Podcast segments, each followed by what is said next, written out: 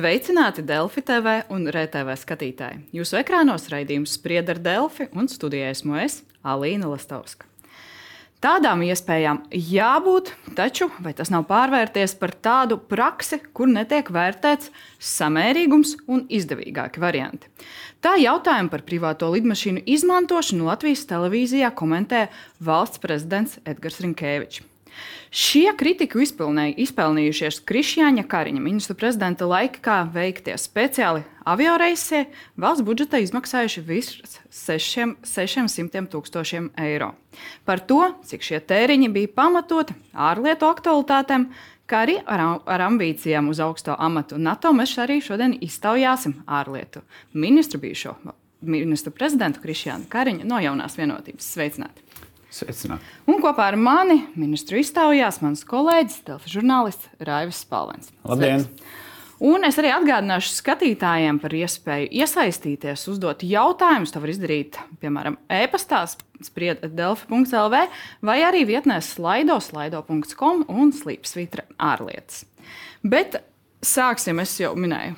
Tēmu mums ir daudz, jautājumu mums ir daudz, un kā jau es minēju, sāksim ar lidojumiem. Prezidents komentējis šo jautājumu. Viņš ir arī šaubījies par samērīgumu, un es arī iespēlēšu vienu citātu, ko viņš iepriekšējā nedēļā arī teica Latvijas televīzijā. Tā informācija, ar ko šobrīd mēs iepazīstamies, rāda, ka visticamāk tā tas nav bijis, ka varēja lidot arī ar komercreisiem. Un es nedomāju, ka šobrīd tā komunikācija no bijušā premjera puses ir ļoti veiksmīga. Sabiedrībai ir jāskaidro, varēja lidot ar komercreisiem. Kariņu kungs, ko jūs teiksiet? Pirmkārt, es eh, labi saprotu, eh, ko valsts prezidents saka. Faktiski viņš savā ziņā izsaka eh, lielu daļu sabiedrības jautājumus, un, nu, saka, gribētu saprast labāk. Un es tad labprāt arī censtos atbildēt, ka Es esmu bijis premjerministrs, tagad esmu ārlietu ministrs. Eh, un es varu teikt, ka tā intensitāte, tā atbildība eh, ir atšķirīga. Eh, daudz lielāka premjeram, daudz mazāk ārlietu ministram. Mūsu valsts valdības vadītājs ir tā atslēgas figūra, kura ir līdznieks citu valstu lēmējvarai. Tātad visā Eiropas, Eiropa, Eiropa padomē, arī starp NATO valstīm. Un ir ļoti svarīgi, kā mazai valstī, ka mēs visur esam klāt. Eh, mums ir reizēm jālaužās, lai būtu klāt, jo lielās valsts tas ir pats par sevi. Mazākai valstī jābūt, nu, kā varētu teikt, mudīgākai. Un tad, kad rodas kāda iespēja būt klāt, tad ir jautājums, eh, kā to izdarīt operatīvāk. Nu, tur ir valsts kanclere kopā ar premjeru biroju skatās praktiskās lietas, vai to varētu izdarīt eh, labāk absolūti tic, vai to varētu izdarīt caurspīdīgāk. Eh, jā, eh, piemēram, šobrīd ir. Mēs parunāsim par to praksi. Valsts kontrole arī izvērtē šo jautājumu. Acīm redzot, tur būs arī kādi ieteikumi. Bet vēlreiz, Kariņa kungs, varējāt lidot ar komercreisiem?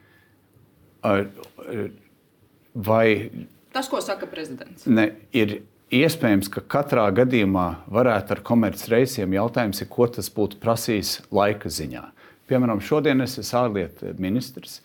Es jau esmu to piedzīvojis, lai divas dienas piedalīties sapulcēs, es esmu tam veltījis četras dienas. Nu, vakar, eh, vakarā eh, izlido, nu, pēcpusdienā izlido, paver viesnīcā, tad nākamā dienā ir eh, nu, vienas sapulces, otrajā dienā ir citas, un tad varbūt ceturtajā dienā atkal izlido. Un tas ir izdarāms. Bet man kā ārlietu ministram, man ir tā liela atšķirība ar premjeru. Man nav uz pleciem atbildība vadīt visu valdību. Tā ir liela, liela atšķirība. Ne jau ka premjerministrs ir īpaša persona, tāds pats kā visi citi. Tikai tā atbildība uh, uh, prasa uh, zināmu operatīvumu. Un kas arī jāsaprot visā šajā procesā, uh, līdzīgi kā mēs Latvijā, politiķi, mēs tiekamies viens ar otru ļoti regulāri. Braucam pat Rīgas galvaspilsētā, staigājam tā starptautiski premjeri tiekas ārpus visām formālām sapulcēm, lidojot. Un daudzās valstīs ir valdības lidmašīnas, ko izmanto ne tikai premjerministrs, bet arī ministri un, un citas augstās uh, amatpersonas. Mums tā iespēja nav. Mums ir pamatā tie komercreisi. Un arī jāsaka, šajā laikā, kas jāatceras, viņi bija ārkārtīgi krīzes pilni laiki, tā skaitā Covid, kas ierobežoja tajā laikā komercreizes pieejamību, kas tikai pakāpeniski atjaunojās. Tas prezidenta izteikums, kur viņš šaubās par samērīgumu, jūsuprāt, viņš to saka, jo viņš nesaprot tos jūsu argumentus. Viņš to saka, ka kādēļ tad jūs skaidrojat, jums ir argumenti, Aigars Rinkēvičs ir pieredzējis politiķis arī ar lielu atbildību. Kāpēc viņš saka par tiem komercreisiem? Es domāju, ka viņš atspoguļo uh, daļa vai liela daļa sabiedrības jautājumu. Viņ, viņš tomēr ir valsts prezidents. Viņam ir uh, saprotama atbildība tajā ziņā. Bet uh, man nu, tas, ka prasīja valsts kancelējai sniegt informāciju, viņi tūlīt nesniedz visu informāciju. Es jau būtu gribējis, ka būtu viss tūlīt sniegts. Uh, acīm redzot, valsts kancelē vai nu tā informācija nav bijusi apkopot, vai kā, e, e, to es, es nevaru atbildēt. Un tajā laikā, kad viņš to izteica, tā informācija tikai sāk nākt uh, ārā. Un, nu, tā, ir, tā ir nepilnība, un es domāju, ka mēs to varam nākotnē novērst. Valsts kancelējai katru reizi pēc fakta, nu, pēc kaut kāda laiciņa, kaut vai publiskot mājaslapā, līdzīgi kā Covid laikā, visi, publisko visas izdevumus un tā tālāk. Atrast vai izstrādāt algoritmu, kā tas tiek darīts lai neveidojas neskaidrība, lai neveidojās eh, aizdoms, ka kaut kas ir nepareizi darīts. Tagad valsts kancelēja nav, nebija uzreiz apkopojusi un sniegusi to komentāru. Rinkeviča kungs arī jūsu virzienā pauda tos pārmetumus par komunikāciju. Jūs tad gaidījāt uz valsts kancelēju? Nē, es negaidīju uz valsts kancelēju, bet tas ir publiskā telpā uh, radīja neskaidrības. Es no pirmās dienas teicu, ka es visur, kur esmu devies, esmu tikai devies kā valsts amatpersona. Uh, aizstāvēt mūsu intereses vienā vai otrā vai trešajā formatā. Un kas ir maldīgi, kas ir arī, nu, kur opozīcija, es jau saprotu opozīcijas darbu, bet viņi pārmet, nu, tur vai rod tādu iespaidu, it kā tur būtu kaut kāds izklaides aspekts.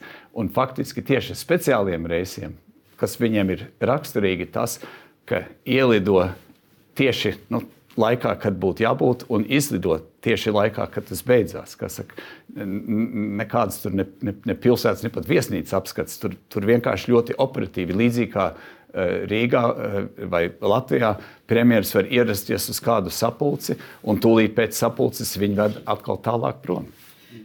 Es jau atcaucos uz valsts kancelēs to apkopoto informāciju, tad tie speciālie avioreisi no 2021. gada līdz 2023. gada septembrim, nu tad no valsts budžeta atbilstoši šai informācijai, kā jau teicu, 600 tūkstoši eiro virs tās summas.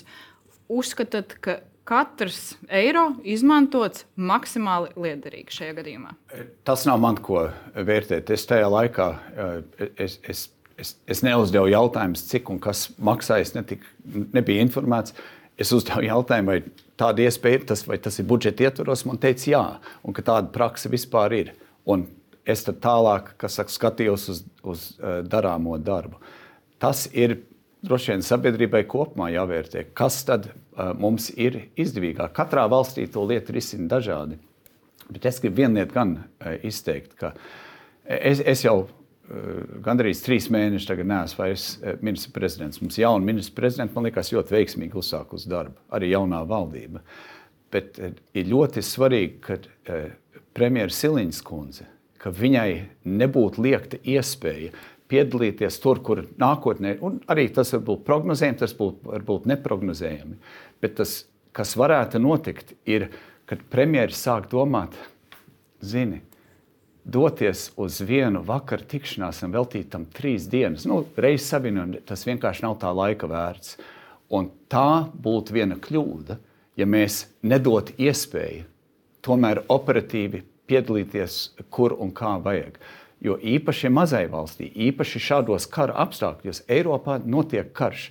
Diemžēl viņš nav pazudis. Un, ja kas mēs redzam, ka Krievijas agresija pat iet uh, vairumā, jo tagad arī ar hibrīdu uzbrukumiem arī Somijai, Igaunijai tie ir sākušies. Ne tikai mums tātad ir prognozējumi, ka apstākļi starptautiskie diemžēl nekļūs vieglāki. Un mums ir ļoti svarīgi, ka mūsu valsts galva var iet, jo ir arī atšķirības starp premjeru un, piemēram, ārlietu ministru.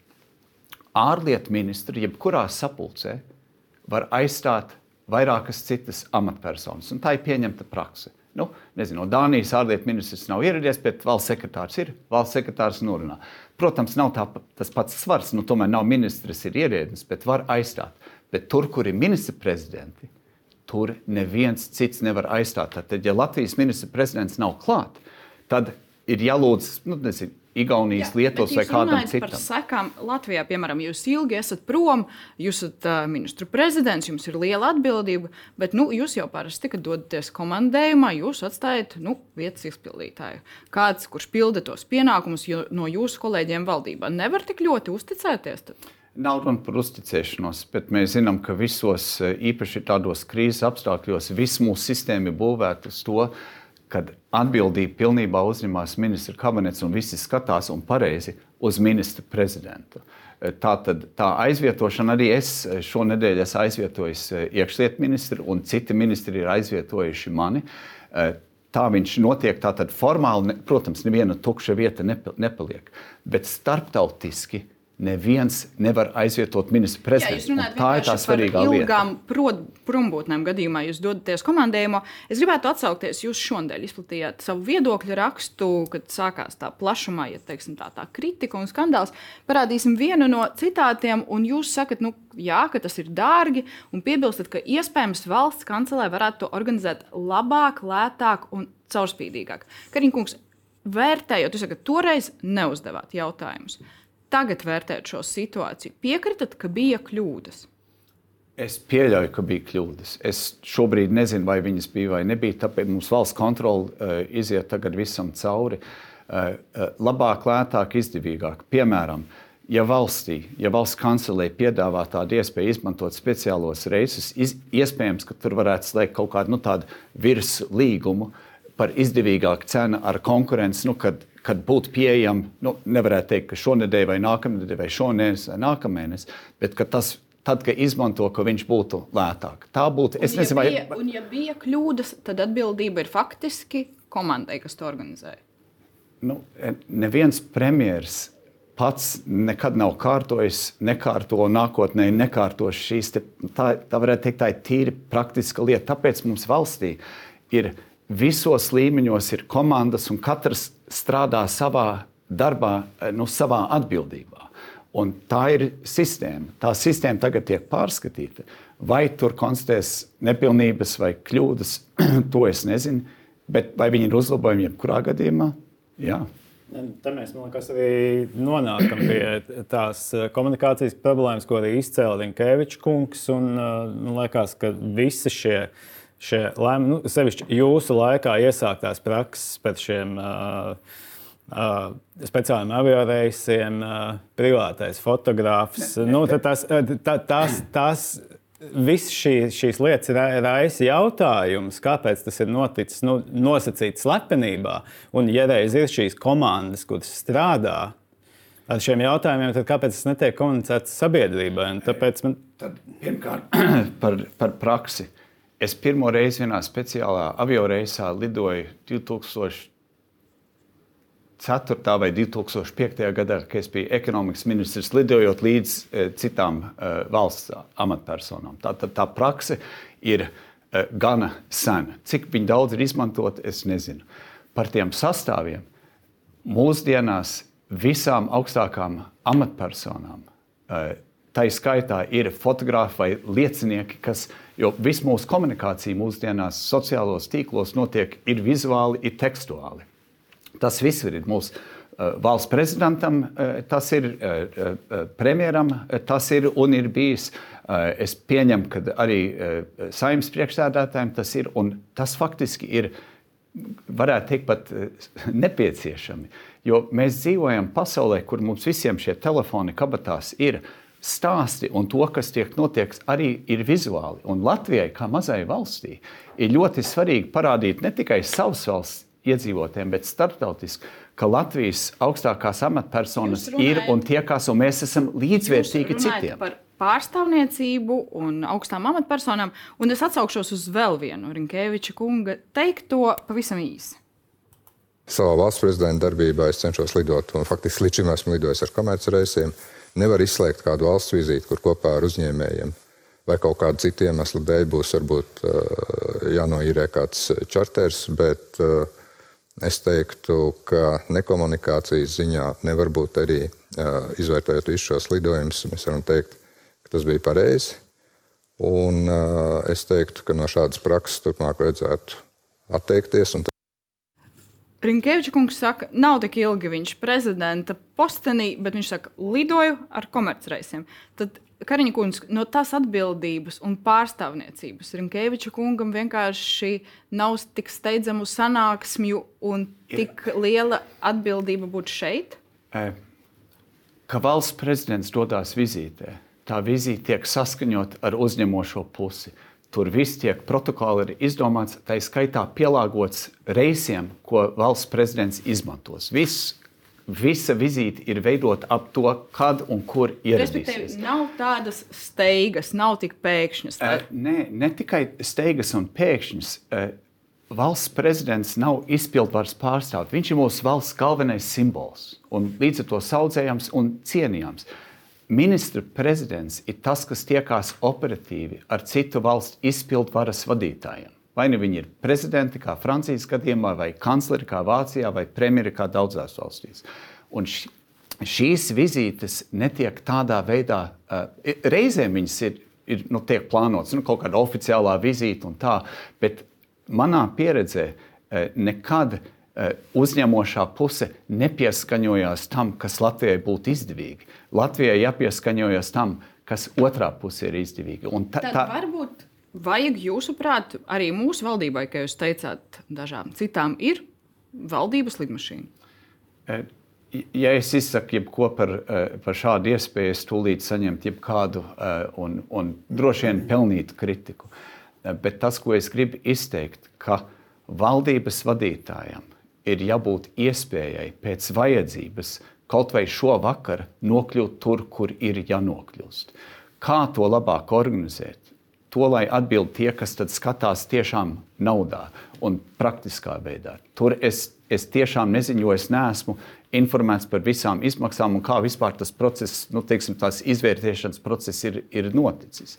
Bet valdības vadītājiem ir, jo visi lēmumi, kas tiek pieņemti, ir valdības vadītāja līmenī. Un te ir, ir jāsaprot, ka ir atšķirība starp izpildvaru un valsts augstāko amatpersonu ļoti bieži.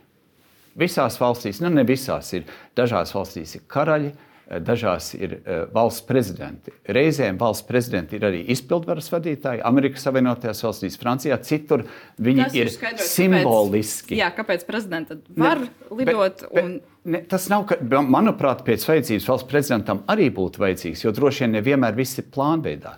Bet tā atšķirība tajā ir tajā ritmā ir pavisam citi, jo valsts prezidents nevada arī valdību. Man pēdējais jautājums par šo gadījumu ar privātajiem reisiem, šo visu kritiku. Tad, jūsuprāt, ja mēs nu, uz, izdarām tādu kopsavilkumu, ja kādas kļūdas arī bija, tas bija komandas pusē, kas organizēja.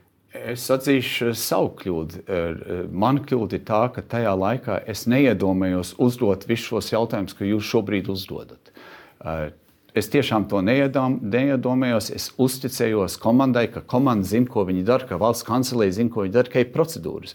Jo es labi sapratu, ka kā premjerministrs, eh, kā premjerministrs es nebūtu varējis nu, pieprasīt, es nezinu, uh, tur, nu, kaut ko ārpus kārtas, man vienkārši tūlīt pateikt, jā, papīru mēs jums iedosim, nē, kaut ko citu mēs jums neiedosim. Nu, tas viss ir atstrādāts, un es pieņemu līdzīgi, kā kāds zina, kas man nu, pienāktos vai būtu pieejams, lai pildītu savu darbu. Kad, kad ir kāds, kas arī atbild par procedūru, tā skaitā par lidojumiem, jo tā skaitā komerclidojumiem. Es arī nezinu, kā, kā jūs skaidrojat. Kāpēc šī informācija nu, tik plaši publiski tiek apspriesta un aktualizējas pašlaik? Nu, ir eh, eh, saimas opozīcija eh, šo jautājumu šobrīd aktualizē.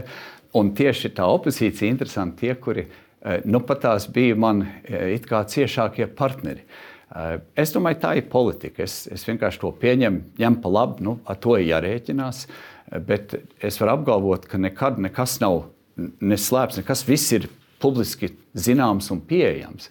Bet nu, viņi vajadzētu uz priekšu gan. Nu, jūs pats teicāt, varbūt varēja arī labāk arī mājaslapā, nu, respektīvi, tieši tā. Nebija laikam tik publiski tā visa informācija pieejama.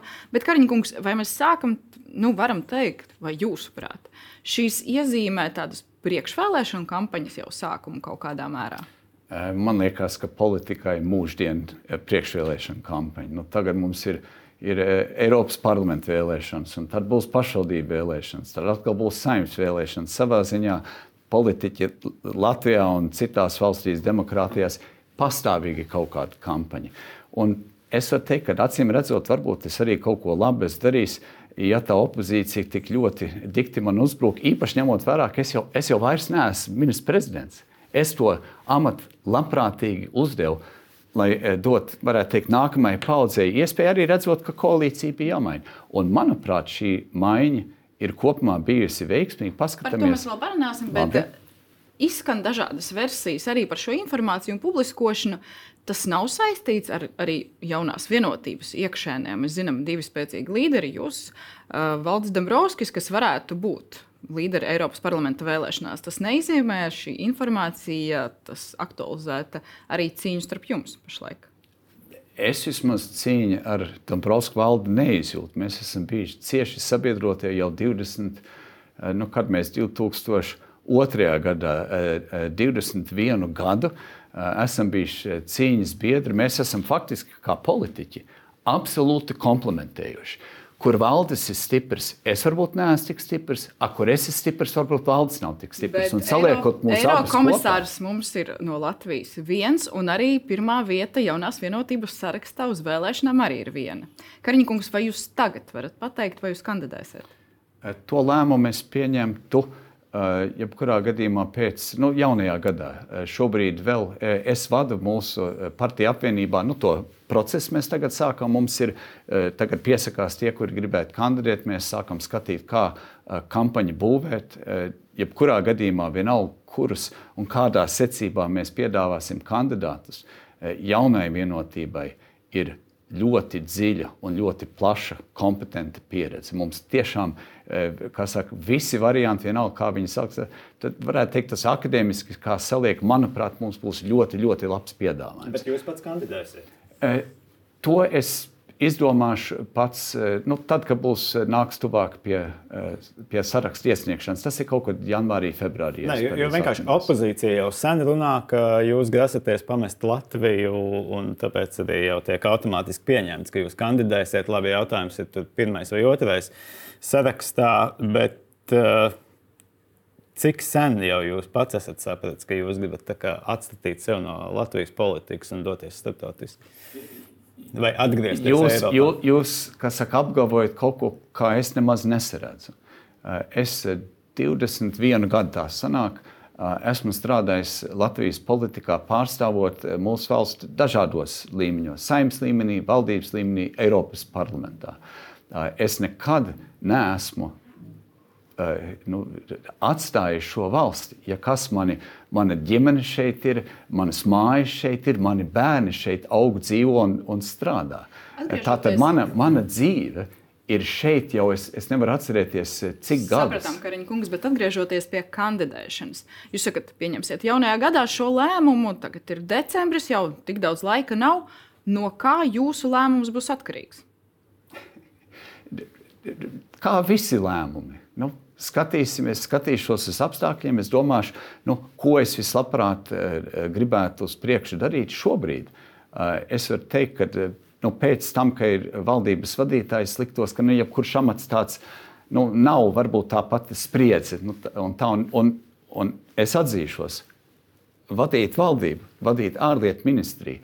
Nu, nav gluži kā diena un naktis, bet nu, ja viens ir Eh, nu, tā es skaitīju, nu, tāds reāli 11 stundu darbdienas, regulāri, gandrīz 5 gadu garumā. Es nesaku, es, nu, tā darbdiena ir citāda, jo nav atbildība par pilnīgi visu lauku. Un tas, kas šobrīd Silīnas kundzei ir uz, teikt, uz galda, to es ļoti labi zinu, to es ilgi arī to nesu. Bet neskatoties, kā ārlietu ministrs, es arī sev redzu nu, labu pielietojumu valstī. Jūs Man ļoti interesē. Ieteicāt savu ambīcijas uz NATO ģenerālsekretāra amatu. Nu, Kariņa kungs, cik jūs pats nopietni vērtējat savas izredzes ieņemt šo amatu? Pirmkārt, es aicinātu mums visiem domāt un atcerieties, ka mēs esam tikpat līdzvērtīgi kā jebkura cita valsts.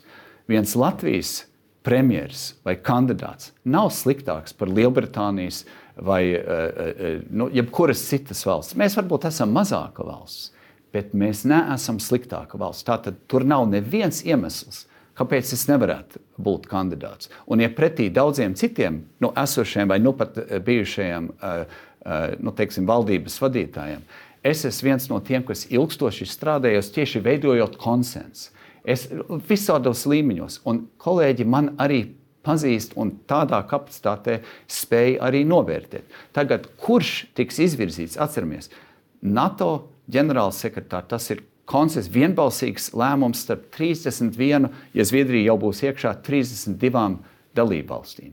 Tas nozīmē, ka visiem ir jāsaka jā. Kurš tas šobrīd būs? Ir pārāk grūti spriest, bet es neredzu nevienu iemeslu, kāpēc mēs kā valsts nevaram domāt, mēs tikpat labi tie arī mēs varētu būt. Kad starptautiskajā presē izskanēja šīs jūsu ambīcijas un pieteikumus, Raivs uzrakstīja viedokļu rakstu, varam parādīt arī skatītājiem, un uzdeva vienu jautājumu. Vai tas nozīmē, vai to var tulkot kā atteikšanos no Briseles, no Eiropas parlamenta? Nu, Karņkungs, varbūt jūs varētu atbildēt uz šo Raivie jautājumu. Pirmkārt, es sevi nepieteicu. Es atbildēju uz starptautiski, man liekas, Bloomberg vai kura uh, žurnālisti jautājumu, vai tiesa tas, ko kuluāros runā, ka es esmu kandidāts. Nu, būtībā apstiprinājāt. uh, Teicāt, es jā. apstiprināju to, ka ja mana valsts mani virzītu, Es, protams, būtu gatavs to darbu darīt, un es pat varu uzskaitīt, un esmu uzskaitījis vairākas, manuprāt, priekšrocības, kas man varētu būt. Bet būt par, vai nu, teiksim, tādu teorētisku, šobrīd es esmu teorētisks vai iespējams kandidāts uz NATO ģenerālsekretāru, NATO ģenerālsekretāri neievēlēs no, kā varētu teikt, e, no tādām no, no cilvēkiem, kuriem šobrīd nav ko darīt. E, tas būs vai nu viens esošais valdības vadītājs, varbūt nesen bijušais valdības vadītājs. Iespējams, ja no kādas lielākas valsts, varbūt arī uh, nu, aizsardzības ministrs, piemēram, varētu būt. Nu, ja, ja ir jau redzams un pazīstams, tas mazāk ticām, bet tas cilvēku lokus ir ļoti, ļoti ierobežots. Un būt vai piedāvāt iespēju, ka es to darbu varētu ieņemt, nenozīmē atteikšanās ne no kā. Man nav jāatsakās no tā, ka es esmu ārlietu ministrs. Uh, uh, tikai tāpēc, ka tai skaitā es nu, ja, vai ja kolēģi izlēma. Uz Eiropas amatu vai vēlēšanās no vienotības saraksta uz Eiropas parlamentāriešu tur, vietu? Tur nav nekāda pretruna, jo tie ir galīgi nesaistīti procesi. Tas nav tā, ka nu, lai, lai eh, Jo to cilvēku Tas beigās. Par resursiem varbūt Kariņa kungs, cik jūs varat veiksmīgi, nu nezinu, uztaisīt kampaņu starp valstīm un pārliecināt citas valstis, ka jūs esat labs kandidāts, Viņš... kandidāts uz Eiropas parlamenta vēlēšanām un vienlaikus būt ārlietu ministrs izskatās sarežģīti. Tas, tā, tā nav tāda veida kampaņa, jo nav tāda veida lemšana. Lēmēji 31 indivīds. Nav ne elektorāts, nekas. Un visi lēmēji mani pazīst šā vai tā, ar gadiem. Viņi man ļoti labi zina. Jā, tā tad nepietiks. Būs tik un tās sarunas, ne, būs jāpārliecina. Bet tās sarunas, viņas notiek tā lielākā loma eh, šeit ir eh, citām uh, amatpersonām. Tā ir skaitā vēstniecības korpusam, un tur jau ļoti aktīvi notiek sarunas. Mums ir ļoti aktīvi, ļoti kompetenti vēstnieki. Uh, izšķiroša loma būs valdības vadītājai. Jo valdības vadītāji sēdēs ap galda, kas izlems. Uh, mūsu valsts prezidents uh, arī var saka, tur pielikt sev plecu, arī viņam ir savi kontakti. Uh, to var viss pakāpeniski virzīt. Un faktiski viss tas jau notiek. Es arī runāju ar kolēģiem, es nu pat tās biju ārlietu ministra sanāksmē uh, Uh, uh, Karīkungs, es uh, arī atkal mēģināšu uztaisīt kopsavilkumu. Tad visas opcijas ir atvērtas pašlaik. Gan Eiropas parlaments, gan Eiropas ko, Eiro komisārs no Latvijas, gan NATO kandidāts uz NATO ģenerālsekretāra amatu, gan turpināt strādāt ārlietu ministrijā. Jā, nevar izslēgt nevienu no šiem. Un, un kas, tad, kas pamatā uh, aiz tā visa ir, ir uh, man paša jušana un pārliecība, ka es šajā 21 gadā uh, esmu guvis tiešām plašu uh, pieredzi. Uh, šobrīd arī sagadās, ka es nu, pazīstu visus lēmējus daudzos, nu, daudzos jautājumos. Es sevī kaut mati tiešām ir sirmi, skatos spogulī, pats nevar ticēt, bet spēku un enerģijas man, man netrūks. Interesi man ir, un es labprāt turpinātu strādāt mūsu valsts labad. Un ir dažādas iespējas, Jūs kā tas varētu izpausties. Arī valdības vadītāja un val, valsts prezidenta loma. Varbūt jums ar Eviku Siliņu ir kāda vienošanās? Te nav runa par vienošanās vai, vai nevienošanās. Protams, es esmu runājis ar mūsu valsts augstākām amatpersonām. Es viņus gadiem ilgi ļoti labi arī pazīstu. Bet kas attiecās uz, ja jūs runājat par NATO vai par ko jūs runājat? Par Eirokomisāru. Par, Drīzāk. Laikam jāsaka tā, laiks viss sastādīs savās vietās. Es, ja man tik ir iespēja, es labprāt gribētu turpināt strādāt mūsu valsts labad. Es saprotu, kur ir arī man, nu, manas vislielākās spējas. Uh, nu, viņš ir neapšaubāmi uh, starptautiski, tas ir, ir pierādījies. Šobrīd es esmu vienā uh, šajā lomā, ir arī citas tādas lomas. Nu, tas ir eh, daļēji saka, kā pats, bet lielā mērā tas būs arī eh, no mūsu pašu vēlētājiem, vai eh, pretējā gadījumā no vēl 31 valsts un valdību vadītājiem. Nu, jūs pagaidām neatklājat, vai kandidēsiet Eiropas parlamenta vēlēšanās, vai cerat ieņemt Eiropas komisāra amatu. Tad varbūt kā jūs redzat šo procesu? Kā valdības vadītāji pēc Eiropas parlamenta vēlēšanām, kā valdības vadītājai vajadzētu pieņemt lēmumu par nākamo Eiropas komisāru. Kas ir tie kriteriji, kas jāņem vērā? Nezinu, vairāk balsu ieguvušais kandidāts. Vai? Nē, es domāju, ka pieredze rāda, un arī citu valstu praksa rāda, ka valdības vadītāji izvirza dažādus eh, cilvēkus. Arī tā skaitā tādus, kuri nekad nav kandidējuši eh, ne uz Eiropas parlamentu. Iespējams, pat daži, kuri nekur nav nekad kandidējuši. Viņi vienmēr bijuši nu, nozīmēti eh, amatos. Eh, vairāki tādi ir bijuši. Eh, tā tad nav rakstiski kritēriji, bet ir pirmais jautājums, kāds būs Eiropas parlamenta kopējais iznākums par dažādām politiskām partijām, grupām. Tad, un es tajā procesā pēdējo reizi piedalījos, valdības vadītāji Eiropadomē stīvēsies vienu, divu vai piecas dienas, panākot, kurš indivīds būs nākamais Eiropas komisijas prezidents. Eiropas komisijas prezidents tātad definēs, kādu veidu komandu, kā gribēs sastruktūrēt. Un tad, un tad mēs redzēsim, mūsu valdības vadītāji redzēs, kādas ir tās iespējas Latvijai. Taktiskās un strateģiskās arī nozīmes tam visam ir. Bet, Kariņkungs, mēs sākam runāt uh, jau par tādu ārlietu jomu nedaudz. Es gribētu paspēt parunāt vēl par Eiropas Savienību un to vienotību atbalstā Ukrainai. Nu, mēs redzam dažādus Ungārijas, nu, gan uh, mudinājumus svītrot Ukrainas jautājumu, gan citas aktivitātes. Nu, tā nevienprātība kļūst lielāka Eiropas Savienībā un kā, to, nu, kā mums atkal būt vienotiem atbalstā? Eiropā vienmēr notiek diskusijas un reizēm pat strīdi par gandrīz jebkuru tēmu. Eh, līdz šim mēs esam bijuši apbrīnojami vienoti attiecībā uz Ukrajinu. Ieročus, naudu, humanitāro palīdzību, kandidāta status noteikšanu, un tur bija milzīgs strīds un grūtības, lai nonāktu tik tālu. Nākamā nedēļa, eh, pirmdien, otrdien ar ārlietu ministriem mēs par šo runāsim, ceturtdien, piekdien, jo droši vien nepieņems lēmumu ārlietu ministru līmenī, atstās uz ceturtdienu, piekdienu, ka Siliņas kundze dosies tikties ar saviem līdziniekiem, izpildvaras vadītājiem, kur lems, vai Ukrainai piešķirt vai nepiešķirt kandidātu valsts statusu.